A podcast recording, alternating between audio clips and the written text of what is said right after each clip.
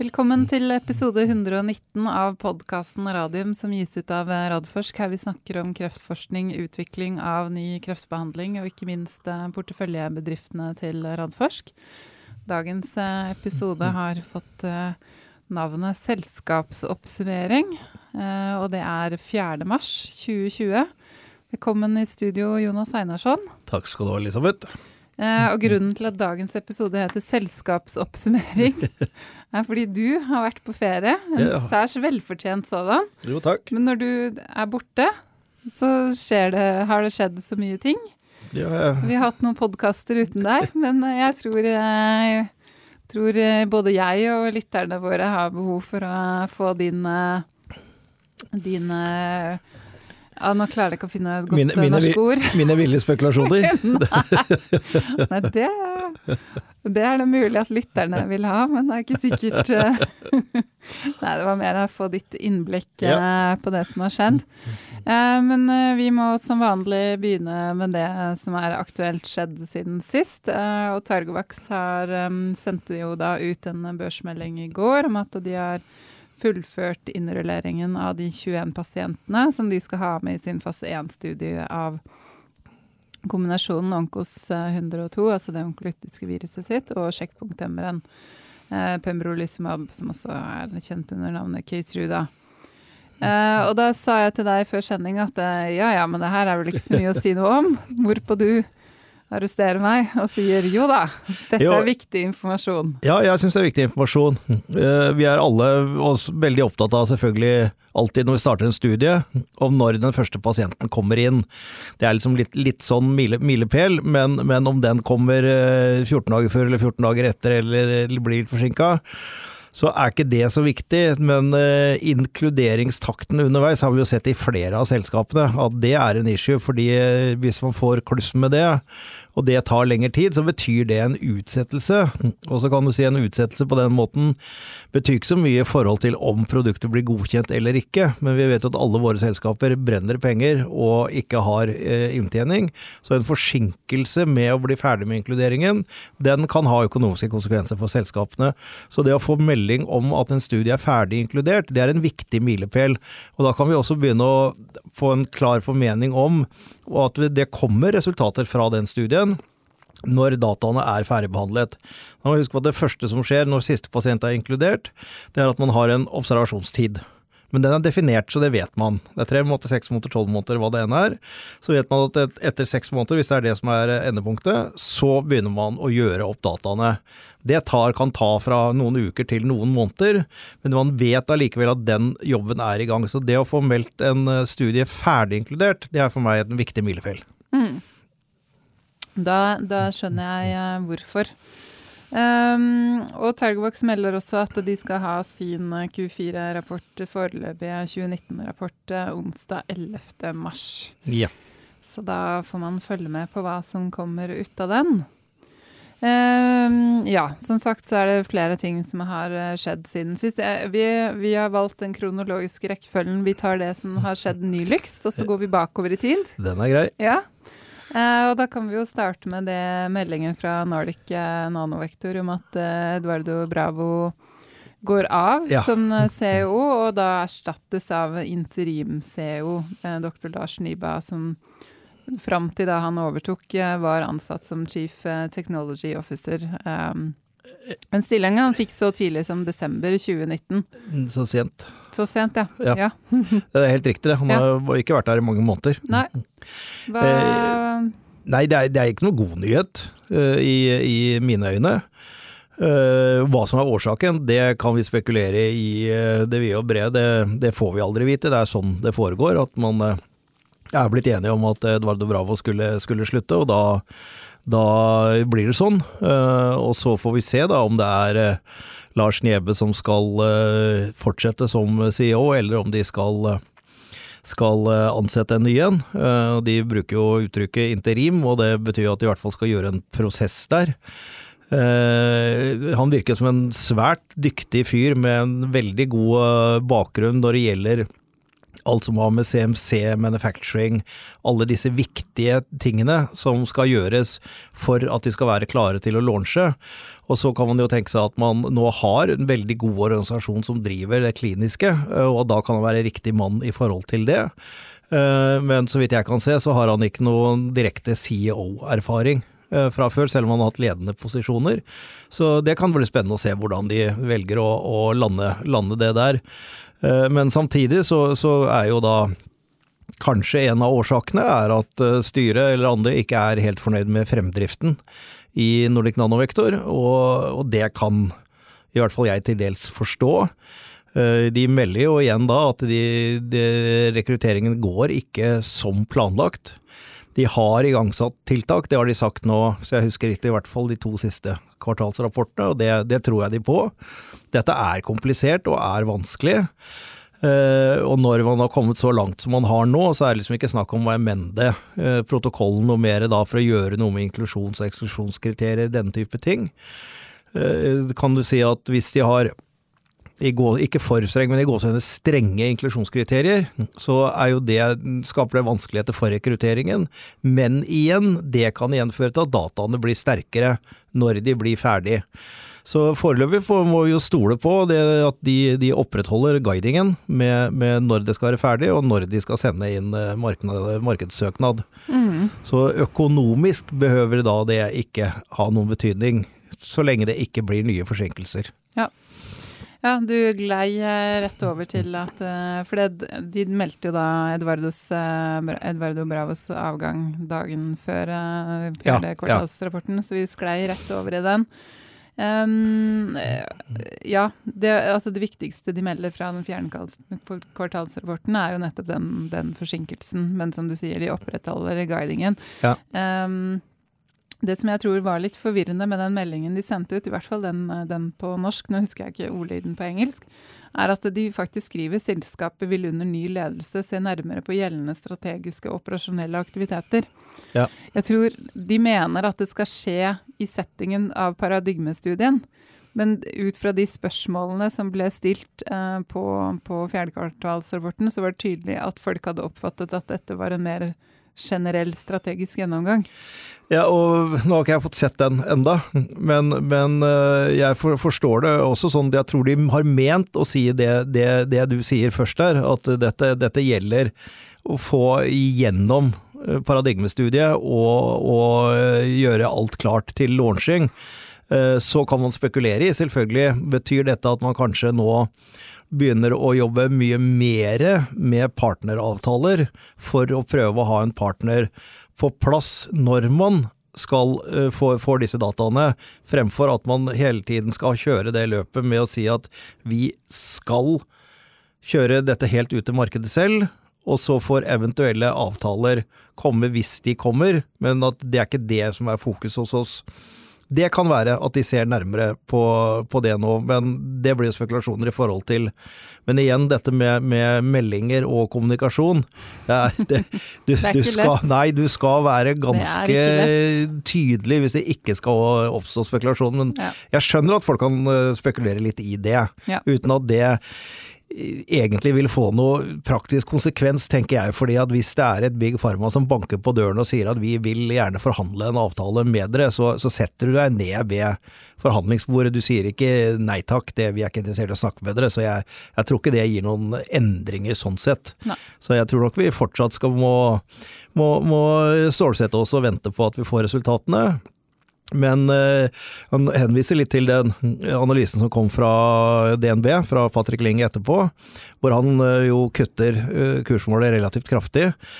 og det gjør han fordi han frykter en, han frykter at de ikke skal klare å hente inn rekrutteringstakten, og at det dermed blir forsinkelser, og egentlig priser det litt inn i sin analyse, at det faktisk kan bli forsinkelser.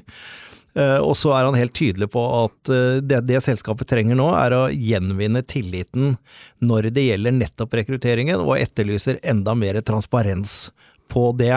Ja. Og det tror jeg jeg ville gjort, hadde jeg vært leder i, eller sittet i styret i det selskapet der, og si at skal vi kanskje denne ene gangen, og for å gjenvinne tilliten, kanskje gå og rapportere mye flere og mere om hvordan det går med rekrutteringen.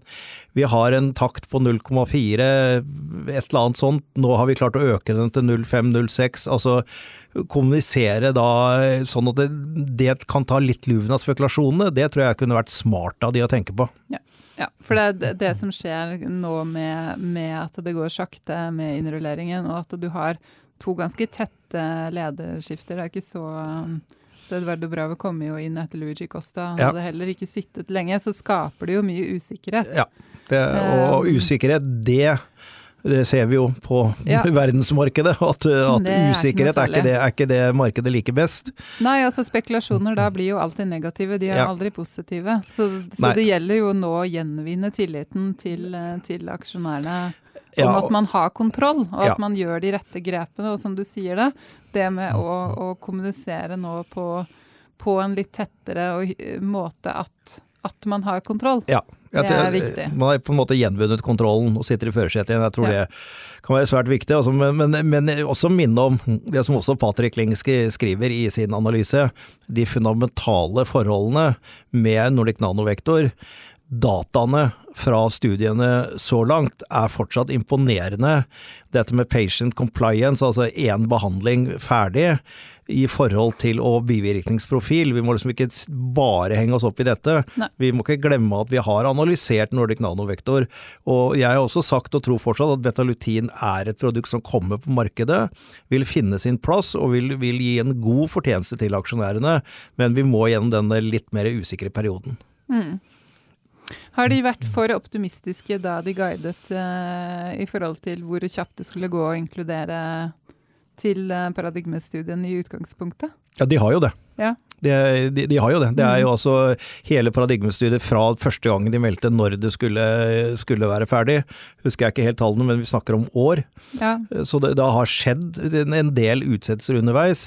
Og dette tror jeg vi selskapene også kan lære av. fordi at når man gjør det, vi gjør sånne feasibility studies, hvor vi går inn og CRO-en da, går inn og analyserer disse disse stedene, sitesene, hvor, hvor, det skal gjøres studier.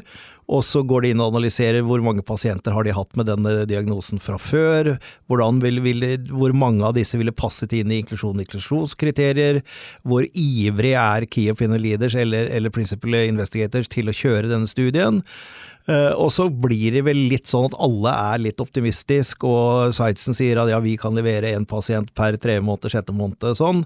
Og så bør man kanskje legge inn litt mer slingringsmonn. Ja, så skal man selvfølgelig ikke guide ett år lenger fordi man da skal ha både belte og bukseseler, men, men, kanskje man skal tenke at det må legge Kanskje, kanskje du skal legge inn at in best case, hvis absolutt alt går etter planen, så vil det være ferdig til den datoen. Eh, men vi, kan, vi, vi tar høyde for at det vil komme for i hvert fall seks måneder eller et eller annet. Ja, ja. ja. Så jeg, jeg, tror vi skal tenke litt igjen. Det er kommunikasjon igjen. Mm. Rett og slett. Eh, men uh, ja, men utenom det så har de jo levert en uh, god fjerdekvartalsrapport, uh, syns jeg. Og noe som kanskje ikke har fått så mye oppmerksomhet, er jo at de har fått inn en del penger fra Eurostars og også fra Forskningsrådet til ny forskning. Ja. Sånn at Det er jo spennende, for det, det, dette har jo Betalutin er liksom den utførst, men de har jo en spennende pipeline. Ja.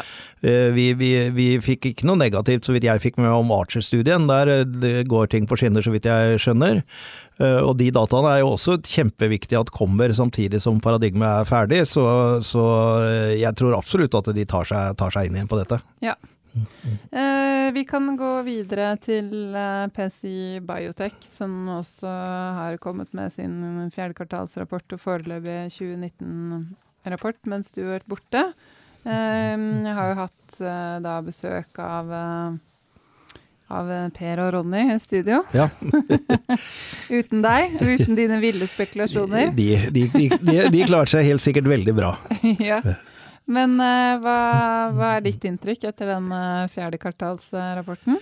Nei, eh, egentlig at eh, vi ikke fikk vite noe særlig nytt, annet enn at de også har visse utfordringer Mm. med, med rekrutteringstakten. Uh, igjen ikke for meg veldig overraskende, men uh, forhåpentligvis så, så har de kontroll på det og får, får tatt det inn.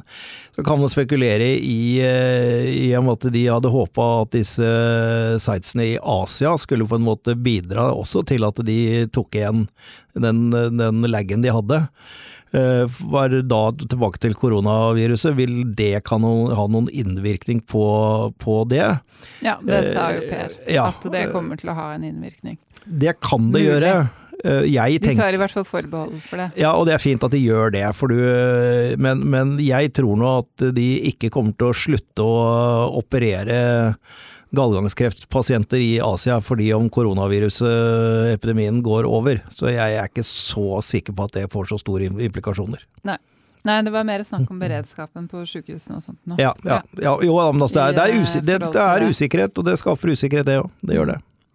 Eh, Men, men jeg syns jo også Per hadde en fin forklaring på på nettopp eh, altså Nettopp fordi de driver med en sjelden sykdom, så er det jo veldig vanskelig å finne, Ja. finne disse pasientene. Så det er jo snakk om at de kanskje ser at de får én pasient per sykehus per år.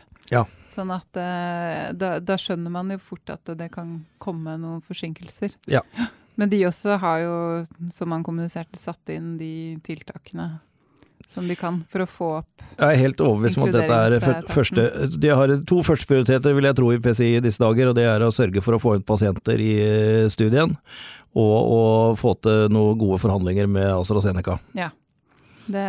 Uten at vi vet noe mer om det. Nei, og det, det er det jo ikke noe Det kan, kan de jo ikke si noe om. Nei.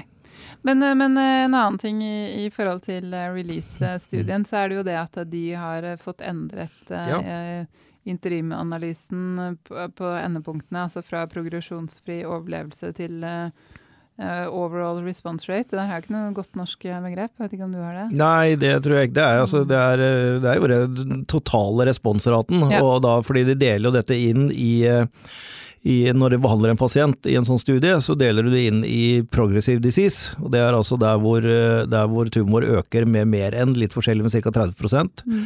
Og så har du stable disease, hvor den ikke øker over den prosenten.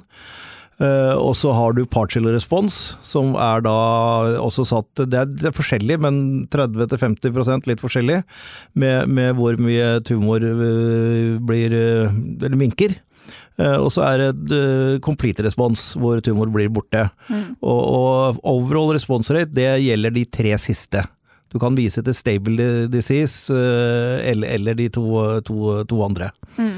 Uh, og det er jo et objektivt uh, mål, for det betyr jo at uh, de plukker ut de svulstene som radiologene er sikre på at de kan måle og beskrive på forhånd hos pasienten.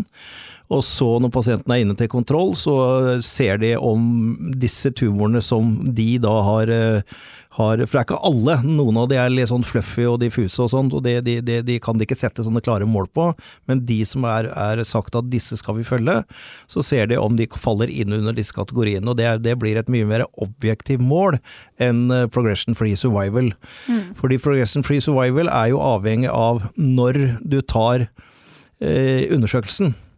Er det, er det da, har, det, har det skjedd i løpet av de siste ukene før du tar den uh, MR-en eller hva du bruker?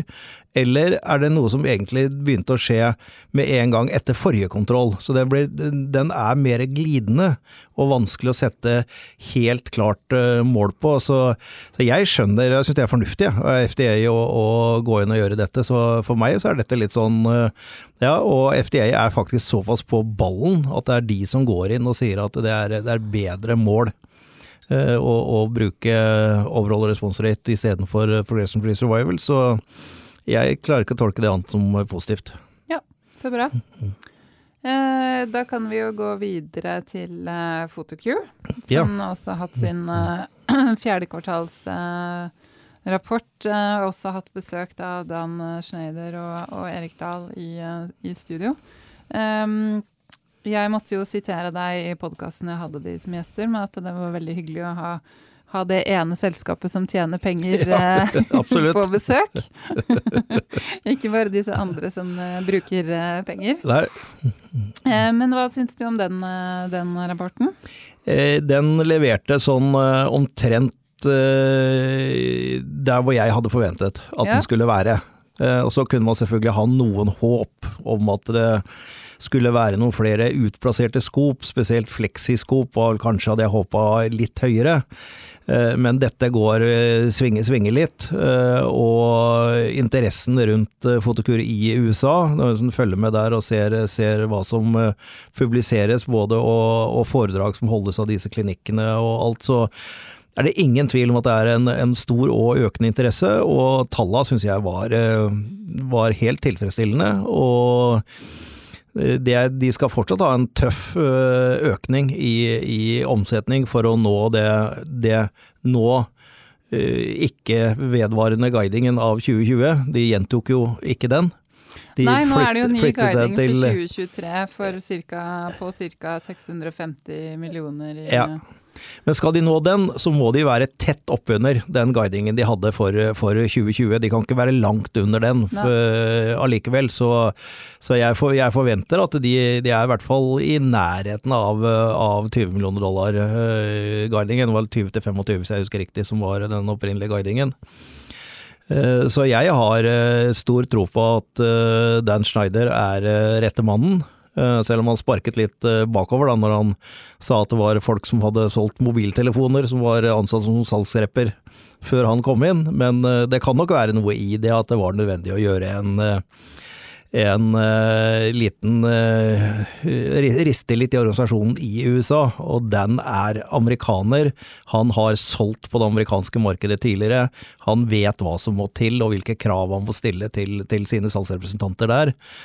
Som nok er ganske annerledes fra hvordan man behandler salgsrepresentanter i, eh, og bygger opp under de i, i Norden. Eh, Som jo Fotokur har dog levert gode resultater, så jeg har stor tro på at vi, vi, vi ser kraftig og god eh, vekst og økning hos Fotokur fremover. Og så er det jo også i kvartalet dette nye patentet. Som de har sendt inn, som jeg syns er jo kjempespennende på mange måter. For dette har jeg det har på en måte trodd på i, i alle år, og diskutert med, med både Kjetil Hesdal tidligere og, og tidligere helt tilbake til Vidar Hansson i, i sin tid. At det må da kunne gå an til å vise at det er en terapeutisk effekt, for alt tilsier jo det så lenge Metvix fungerer som kurativ behandling. Da må du forklare det for de som ikke er så inni. Nå gikk det fort unna for ikke alle som er helt inne i altså, fotogul-historien. er i prinsippet er det samme teknologien. At du gir et stoff som blir tatt opp av, eh, av cellene. Eh, og, og så når du da lyser på, på, disse, på disse kreftcellene, så, så er det den kombinasjonen av, av virkestoffet og lyset som dreper kreftceller. Det er jo det som skjer når du bruker Metvik, som var Fotokur sitt første produkt, og som fortsatt eh, er et, et, relativt stort produkt ute i, på markedet eh, for det som kalles for basalcellekarsinom. Denne litt sånn, jeg skal ikke si godarta, men den snille formen for hudkreft. Ja. Eh, og da er det når man bruker samme teknologien, selv om Nå er jeg litt ute på tynn is her, men altså eh, den, det, det de bruker eh, i vi er litt annerledes enn det virkestoffet som de bruker i Metvix, men, men, men prinsippet er nøyaktig det samme. Og da kan man tenke seg at når man da lyser på det, så, så lyser det opp og det brukes til diagnostikk og sånn det er, men det er ingen grunn til at det ikke skal ha samme effekt, sånn at det også faktisk kan ta knekken på kreftceller som man kanskje ikke skjærer bort. Mm. Og det at, det at den terapeutiske effekten også kan være en av årsakene, ikke bare til at man fjerner mer, mer svulstvev, men også at det er en viss terapeutisk effekt som gjør at du får den recurrence, altså tilbake, tilbakefallsraten blir mindre. Ja. Eh, Og så, kan, så har de sagt hele tiden at det kan ikke vi lage studier på å vise, for det er altfor store og altfor kostbare studier. Og det er helt riktig. Men det vil komme mer og mer langtidsdata som kan brukes til å underbygge eh, at dette, denne teorien faktisk fungerer i praksis. Og da ha et patent som beskytter for det, er kjempesmart. Ja. Og jeg tenker også at hvis man da snakker om generika, Mm. at det skal komme andre som skal lage et tilsvarende produkt når hovedpatentet som dekker Sysview og Hexvix blir, eh, blir borte. At de da tenker at da går en fotokur i ferd med å gå videre med den terapeutiske delen også.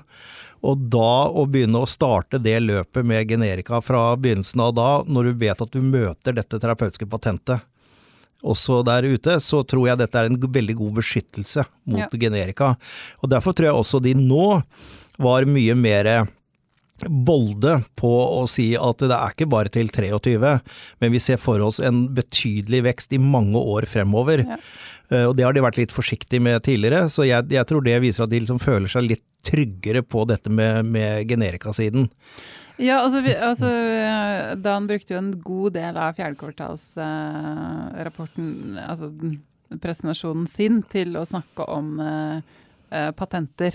Ja. Eh, og hvordan, man, hvordan de på en måte er eh, rigget og beskyttet, og hvor vanskelig det vil være for en annen aktør å komme inn og, og utfordre de. For dette her er jo ikke noe Det er ikke noe sånn eh, rett eh, strek. Det er ikke bare å lage en, eh, et generikaprodukt her som kan komme inn og, og erstatte. Nei, og de må jo vise, vise at det fungerer med det blå lys og i det Ja. hele tatt. Så nei, jeg, jeg, jeg føler meg nok tryggere nå på patentsituasjonen Mm. eh, og, og sikkerheten for at de eh, kommer til å være egenrådende på markedet akkurat innenfor denne nisjen i mange år fremover. Ja, det virket sånn. Jeg, jeg spurte de egentlig rett ut om de følte at de nesten nærmest hadde en monopolsituasjon. Ok? Men da sa de det ordet der brukte vi ikke. Nei, det er, det er helt riktig. Det, ja, men det, Ja, monop Sånn, eh, monopol, monopol betyr at du har retten Ja. til å være, og den, den, kan, Den de ikke, ikke. den kan de ikke si at de har eh, Nei. når, når hovedpotentet går ut. Men, eh, men at de har en god, eh, god beskyttelse og er i en helt unik eh, posisjon nå innafor blærekreft, det Det føler jeg meg trygg på. Ja, absolutt. Um, ellers så snakka Dan også litt om um, den avtalen med Asieris, kinesiske selskapet på, på Sevira. Ja. Eh, Jeg veit ikke om du hadde noe innspill eh, eller noen tanker rundt det? Nei, jeg, jeg syns det er en godt sydd sammen uh, avtale. Den er, den er egentlig lett å forstå. Det er uh, enkle og greie milestones. Eh, og så må, man igjen da eventuelt spekulere på om igjen vår, vår, vår, vår venn koronaviruset kan gjøre at de kommer noe senere i gang i Kina. Det kan jo selvfølgelig være. Han var men, ikke bekymra for det. Han var ikke det. Ja, nei, Nei. jeg spurte han om det. og det Akkurat kom til meg, så jeg har ikke fått hørt hele det, Så det er veldig fint. Da kan jeg, kan jeg bare kjøre mine spekulasjoner, og så kan du rette meg, rette meg når Dan mener noe annet. Det er Ja. utmerket. Nei, han var, eh, var ikke noe bekymret eh, Nei. der. Bra. Så hadde akkurat hatt en eh, lunsj i USA, hadde presisert han. Ja, nettopp. Med den ikke vært i Kina. sjefen Nei. for uh, Sieres, som ikke hadde vært i Kina. Så det, ja. Nei, men det, det er bra. Eh, Jeg syns det er ganske imponerende det, det Photocure gjør, altså. Ja, det er, det er virkelig, Mhm. virkelig bra. De, de hadde en slow start i, i, i USA og har hatt relativt mye motbør, vil jeg si, på det europeiske markedet. For det er eh, litt nedtur, og jeg vet at de virkelig legger alt inn på hva de kan gjøre i forhold til, til eh, avtalen med Ibsen, Ibsen, uten at han gikk vel ikke i detaljer på det, går jeg ut ifra, men eh, Nei, han sa vel at de på en måte hadde gjorde alt det de kunne innenfor den Ja. kontraktsrammen, og at de på en måte så framskritt noen steder, men at de fortsatte å pushe på så hardt de kunne. Ja. Ja. Så absolutt. Eh, da kan vi jo gå videre til eh, Ultimovax, eh, som også har meldt at de skal bytte administrerende direktør. Men det skjer ikke på dagen, det skjer 1.6. Da tiltrer Carlos de Sousa og overtar etter Øyvind Kongstun Arnesen. Da er det vel på tide å komme med den vanlige disclaimeren at du er styreleder i Ultimovax. ja, jeg får vel ta ansvaret for dette. Ja, du får rett og Rett og slett ta ansvaret. Så da kan du jo fortelle Nei, eh, det har vært hva som er bakgrunnen, og, og litt om Carlos Ja. du sa også. Det skal jeg gjøre. Det, det har vært en veldig fin prosess. Eh, Øyvind, eh, når han begynte, så var Ultimovax eh, helt nystarta og nærmest en, eh, en idé. Eh, og ingen kliniske data. Og han har da bygd opp uh, Ultimovax fra å være et sånn helt uh, nystarta oppstartsselskap til eh, børsnotering og til et selskap som nå kjører to store randomiserte studier. Eh, som er veldig bra. Eh, og han har signalisert flere ganger underveis at han følte liksom han hadde gjort den jobben han ville skulle og skulle gjøre. Eh, og så har jeg fått overtalt han til å virkelig stå på, og det har han gjort. Eh, og så var vi enige om at etter, etter børsnotering så skulle vi se om vi fant en god kandidat til å overta stafettpinnen etter eh, Øyvind. Det brukte vi god tid på, og en veldig god prosess, og kom fram til Carlos de Sosa, som både Øyvind og jeg mener er en god arvtaker. Han har en veldig relevant erfaring både fra masse fra Big Pharma i masse forskjellige posisjoner innen de selskapene han har eh, jobbet der. Eh, jobbet med kinesiske markedet, med, med europeiske, amerikanske eh, markeder. Gjennomført mange dealer, og det er jo noe vi forhåpentligvis ser i, i fremtiden. Vi har jo allerede det er jo Starten på en samarbeidsavtaler er jo den type studier som vi nå har, har annonsert, den siste randomiserte.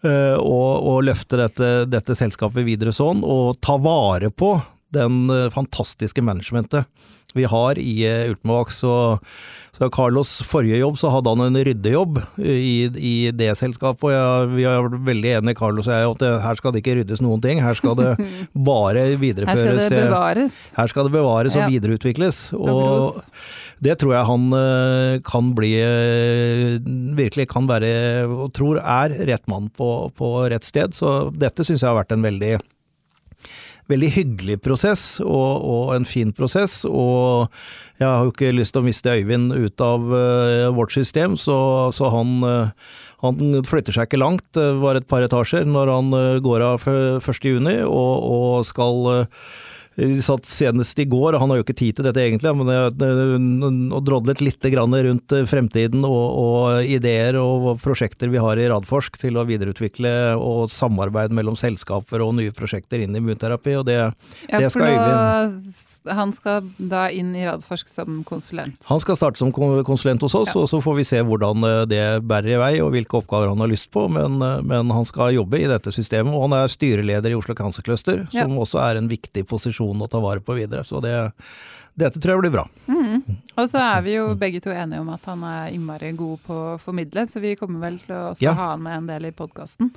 Eh, fordi han er god på å forklare innafor immunterapi ja. spesielt, da, som, eh, som uh, Ultimax eh, holder på, og som veldig mange av selskapene Tiralforsk holde på? Absolutt, så det er en oppfordring når, når eh, Øyvind er klar til å hjelpe oss med det, med, med Øyvinds corner, men Øyvind forklarer. så send inn, send inn, spørsmål når det gjelder ting man lurer på, når det gjelder teknologi, når det gjelder utviklingen av feltet, det medisinsk-faglige feltet. Hvor finner eh, immunterapien sin plass? Hvis det er noe, hvorfor er telomerase universell, f.eks., som han forklarer i sin siste CEOs Corner, i, mm. i, som jeg kan anbefale, i den siste kvartalsrapporten. Så, så vi skal nok få, få, brukt hans kunnskap og formidlingsevne fremover. Absolutt. Um, Ultimax hadde jo også sin fjernekvartalsrapport. Den presenterte du jo rett foran eh, vinterferien. Var vel, du var vel med på den før du dro på ferie? hvis ikke jeg husker rett? Det var det aller siste jeg gjorde før jeg dro på ja. ferie. Det er helt riktig. Ja. Det, var, bare for å presentere at Carlos Eh, var kommet inn, men, men, igjen presisere at det var selvfølgelig Øyvind som kjørte kvartalsrapporten, og det kommer han til å gjøre fremover eh, også, og fronte selskapet fram til Carlos kommer. Mm. Eh, og det var ikke noe breaking news eh, der, eh, annet enn faktisk eh, hyggelig å meddele at alt går på skinner. Mm. Og selskapet har så langt levert på nyheter om milestones fra børsnotering, og det det akter vi si da, som styreleder i Ultimax å fortsette med. Ja, rett og slett. Eh, så bra. Eh, vi har fått inn noen spørsmål. Jeg tror vi har gått gjennom noen av de allerede, så de bare hopper jeg yep. over. Eh, men det er jo da PC Biotech som eh, er i stor interesse blant uh, våre lyttere. Og det er det ene spørsmålet. Eh, dere har kanskje sett at AstraZeneca har hatt en ganske omfattende rekruttering innen Um, advanced drug delivery, altså avansert uh, medisinsk levering, altså det som PCI driver med, Har dere noen som helst tro på at dette kan kobles med samarbeidet med PCI? Ser mye spekulasjoner og mange drømmer, men ikke sikker på at markedet priser inn dette. Jeg håper ikke markedet priser inn det, for det, det blir relativt spekulativt. AstraZeneca har dette som et satsingsområde, Ja. med eller uten PCI Biotech. Eh, Sånn at å tilskrive det, at det gjelder, eh, at det, dette gjelder det, de forhandlingene de har med PCI, det syns jeg er prematurt. Men eh, at de, at de satser på området, og at de er veldig interessert i det området, og at de er interessert i PCI, det, det vet vi. Men det med, det med altså drug delivery um, Hjelp meg å finne et godt uh, norsk begrep. Det er jo Det er leveringsteknologi. Det er leveringsteknologi hvor- av medisiner. få- medisiner. hvordan, det er jo målstyring ikke sant, for å få de riktig inn der de ja, hvordan eh, får du medisinen virke? når vi gir en pille, når vi gir intravenøs medisin? Kan vi gjøre noe for å sikre at mest mulig av medisinen går dit den skal, Mm. og ikke andre steder hvor den kan gi bivirkninger? Eh, Det er sånn Eller mindre effekt. Ja, det er mer den, den release-studien og gale gang. Mm. eh, Kreft på den. Mens dette er mer at problemet er at medisinen kommer ikke inn Over i cellemembranene. Nei, og, og, og blir fanga i endosomene, som Mm. det er hele tiden. Og da er det PCI-teknologien som kan hjelpe til med selve det å få det inn i, i cellen. Og hva er det du får inn i cellen? Er det akkurat bare det, det som skal virke, eller må du pakke det, pakkettere det inn for å få det inn i cellen? Mm. Hvor du helst vil ha det mest sånn naked, som de, de, de sier. Og da kan du kanskje se ut som at det, denne teknologien kan gjøre at du får til det. Ja, og det er jo særlig et stort problem med, med større molekyler, sånn som disse nukleinsyrene. Ja, Mm. ja. Så det, ja.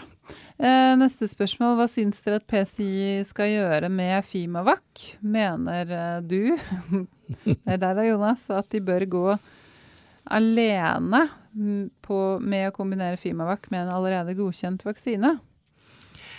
Eh, Ja, altså Det er strategiske beslutninger som vi får overlate til styret i, i PCI, men nei, jeg, jeg tror ikke det. Jeg tror at man eh, Skal man gå videre med, med Fimavac, så tror jeg nok jeg ville eh, anbefale at man går for å ha med seg en partner eh, på det, og da helst en som har en vaksineteknologi som trenger en bedre eh, adjuvans og, og denne teknologien i, i tillegg. Eh, Så kan vi si at hvis de nå lander en AstraZeneca-avtale med noen milliarder i upfront, så kan du jo alltid sette av noen, eh, noen småslatter til det, men, men sånn ståa er nå, så tror jeg ikke jeg ville gjort det. Nei, for nå tenker jeg, nå er det jo fullt fokus på eh, Har allerede På to- registreringsstudien. Ja, nå har det to hovedfokus, registreringsstudien og få til noe, noe avtale med AstraZeneca, og, Ja. og defokusere fra, fra det, det tror jeg ikke ville vært smart. Men det, det, det, vi vet jo ikke hva de gjør. Nei. Det må vi understreke. Det, dette er eh, holdt på å si, bare dine spekulasjoner. Um, vi kan ta noen spørsmål om, om eh, Nordic Nanovektor. Uh, første er, vil vi noen gang få svaret på hvorfor Eduardo Bravo måtte gå av eller gikk av? Nei. Nei. For det er eh, en sak mellom styret og han. Ja. Ja. Det er det, og de har garantert skrevet under en avtale på at det, dette skal ikke kommenteres mer fra noen av, av sidene. Så det, det, det får vi ikke vite, og, og, og bruke tid og energi på å spekulere, det syns jeg er bare tull. Ja. Men er det men sånn rent sånn Da kan vi heller snakke om det prinsipielt, da, ikke nødvendigvis eh, Nordic og, og den situasjonen. Hvordan fungerer sånne, sånne type avtaler i et større selskap mellom styret og en, og en leder? Hva, Det er sånn helt uh, hva er vanlig? Det vanlige er at du har en avtale der hvor uh, CEO-en fraskriver seg alle, alle rettigheter og, og, og etter, etter loven om, om eh, arbeidsvern og, og dette, med at du fraskriver deg de rettighetene du har til å bli sittende i stillingen, at det må være saklig oppsigelse og alle disse tingene, det fraskriver du deg. Og i, i, som gåseøyne belønning for det, så inngår en avtale at du får så og så lang tids etterlønn når, når du blir bedt om å gå av. Og det er eh, ofte ett år, 18 måneder, eh, som du da har på å finne deg en ny jobb og, Som en kompensasjon for at styreleder bare kan, kan si til deg at vet du hva, du, du, må gå av i morgen, og jeg har ikke behov for og må ikke begrunne noe som helst, det er bare en beslutning som styret har fatta. Ja. Og da, da, da gjør CEO og profesjonelle CEO-er sier ja vel, bare jeg får oppfylt min del av avtalen med etterlønn og opsjoner eller hva det måtte være som ligger i avtalen. Mm. Fungerer det da, for nå snakker du jo om i de tilfellene hvor en CEO får beskjed av eh, styret om ja. å gå. Hvordan fungerer det? Kan, kan en CEO også gå på dagen? Uh, nei, den, den, nødbremsen gjelder som regel ikke begge veier. Nei. Hvis en CEO sier at jeg har fått et annet tilbud eller vil gjøre noe annet, så regulerer som regel den, den uh, avtalen med at han har en viss oppsigelsestid. Mm. Uh, gjerne, gjerne, seks måneder. Ja. Og, og, da kan styreleder si at ja, greit, men da er du fritatt for arbeidsplikt fra i dag, men du får lønn i seks måneder. Ja som er en vanlig oppsigelsestid. Men du får ikke noe kompensasjon utover oppsigelsestid da, Nei. som regel. Som regel, ja. Skjønner. Uh, ja. Så det, dette her er jo egentlig litt sånn uh, Man har jo hatt noen diskusjoner rundt dette her med politikere i Norge og etterlønn og sånt, men det er ja. klart den, den, eh, den, lønna du da får hvis du da blir bedt om å gå på dagen, er jo for å dekke den risikoen som du faktisk tar. Ja med å inneha et sånn type verv hvor du faktisk kan bli bedt om å gå. Ja, og, ja. og, helt uten Det behøver ikke være noe saklig grunn. Det kan Nei. bare være at styreleder sier at 'jeg har ikke tillit til deg lenger, du må gå i mm. dag'. Ja. Og, og, da må du være sikra noen, noen, rettigheter og, og en ja. form for etterlønn på det. Ja, ellers er det jo ingen som vil Nei. ta en sånn, sånn, sånn type stilling. Um, et annet spørsmål um, altså Radforsk er jo blant de ti største investorene i Nordic Nanvekor. Eh, hvilken rolle og så er spørsmålet hvilken rolle har Radforsk hvis selskapet ikke leverer som planlagt? Vi har vår, vår, rolle i alle våre selskaper, det er selvfølgelig der vi sitter i styrene. Så, så har vi både, både en, en, en, utøvende rolle og ikke minst et utøvende ansvar. Eh, men i de, i de, selskapene vi ikke sitter i styrene, og det er som regel de, det er jo de mest modne selskapene, så er, er vi på lik linje med alle andre investorer. og det vil si at, eh, at vi har uh, våre faste møter med, med ledelsen i selskapet og blir oppdatert på det, men vi gir ikke noen meldinger tilbake til ledelsen om at vi syns dere gjør en dårlig jobb eller, eller noe annet. Men, men, vi snakker da med, med, gjerne med styreleder, med en valgkomité, og kan si at vi, vi, uttrykker at vi ikke er fornøyd med fremdriften i selskapet, eller vi er misfornøyd med et eller annet. Men vi har ikke noe med hvem som er CEO i et selskap. Det er det kun styret, og det er styrets viktigste oppgave. En av de to viktigste oppgavene til styret, det er å avsette og ansette direktører. Og det andre er å stå for den strategiske beslutningene i samarbeid med, med CEO-en. Mm. Så det er liksom viktig å skille rollene. Så det er, det er, ikke min rolle når jeg snakker med styreleder i, i eh, Nordic Nanovektor, men jeg kan si hva jeg mener til han, og så kan mm. han eller hun velge å ta det med seg videre inn i styrearbeidet eller ikke. Mm. Så det er viktig å skille rollene mellom å være investor og det å være, sitte i et styre. Ja. Og når man sitter i et styre, så blir det selvfølgelig annerledes. Ja. Ja. Men så bra. Eh, det er eh, godt å ha deg tilbake igjen, Einarsson. Godt å være tilbake. Ja, ja. Så du hadde ikke lyst til å fortsette å være på ferie? Nei, det, det, det, det nå får det være nok. Det er, det er, så mye spennende som foregår, og det Jeg tror liksom litt i disse koronatider eh, Jeg skal ikke underslå at det er en økonomisk usikkerhet, fordi vi vet ikke hvilke tiltak de forskjellige landene kommer til å sette inn, og hvilke økonomiske konsekvenser eh, dette kan få. Eh, så kan man jo lure på hvorfor gjør man det, dette med, med, denne type eh, virus, som vi nå vet litt mer om, og som jeg har vært inne på tidligere. Korona er liksom ikke det, det, er ikke den verste pandemien vi kommer til å stå overfor. Så sånn rent medisinsk og helsemessig så er jeg fortsatt ganske avslappa i, i, forhold til uh, konsekvensene. Men det at uh, verdens helsemyndigheter og de forskjellige land nå faktisk iverksetter tiltak som om dette skulle vært en type spanskesyken-pandemi, uh, det kan være veldig fint, fordi man da får testet ut alle beredskapssystemer, og klarer vi virkelig å begrense smitten av et sånt virus? Eh, til den gangen og det kommer før eller siden. Ja. En pandemi hvor du får en, en blanding av sars og korona. Altså en like dødelig som sars og like effektiv spredning som korona. Den kommer til å bli vanskelig, og den kommer før eller siden. Mm. Og da er det fint å ha, ha vært igjennom dette på forhånd, men samtidig så kan man liksom Er det nødvendig å gi alle de økonomiske konsekvensene nå?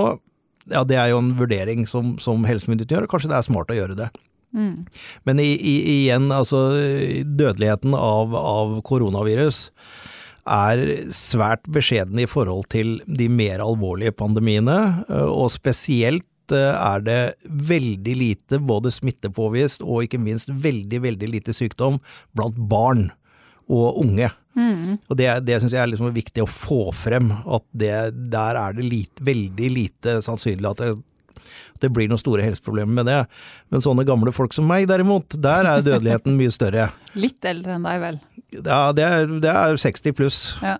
Så, vi får, får falle inn der. Og det, det er klart at vi, hvis man da har en grunnsykdom i tillegg, så kan det være veldig farlig å bli smitta for korona. Så det er å, å jobbe med, med smittevern og smittehygiene er utrolig viktig. Mm. Og da er det én en eneste ting som er den vikt, aller viktigste, og det er å vaske hendene. Mm.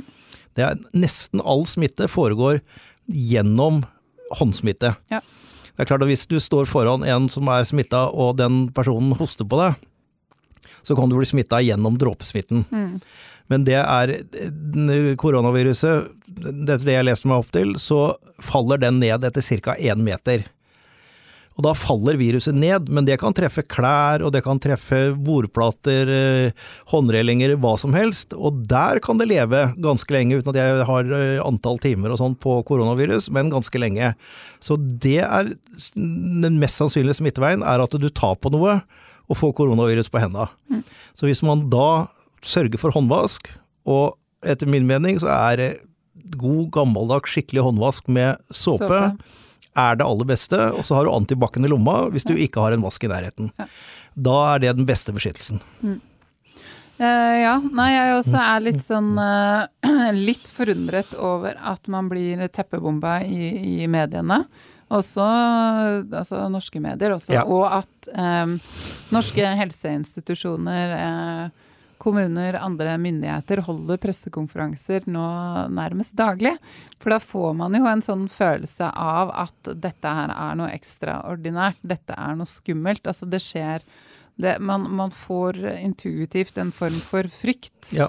Um, jeg er litt sånn uh, usikker på om jeg syns uh, det er veldig greit. Jeg har selv måttet ha en liten prat med mine to barn som kom hjem og var rimelig skremt. Ja. Etter at de har enten snakket om det på skolen eller snakket sammen om det på skolen. Og vi måtte prøve å forklare Men det er selvfølgelig når de hører eldre mennesker, så blir de da bekymret for sine besteforeldre. ja, ja, ja. Sånn at eh, Ja, så det er viktig å ha et litt sånn eh, Ja, Og så er det jo mye man ikke vet fremdeles, og da. må man ikke alltid ta, ta diskusjonen i negativ retning. Nei, det er, det er også helt, helt riktig. Og, og det vi ikke vet heller, er om, om dette blir én eller flere bølger. Ja. Eh, For det har vi sett ved er tidligere vanlig. pandemier, så har vi sett flere bølger.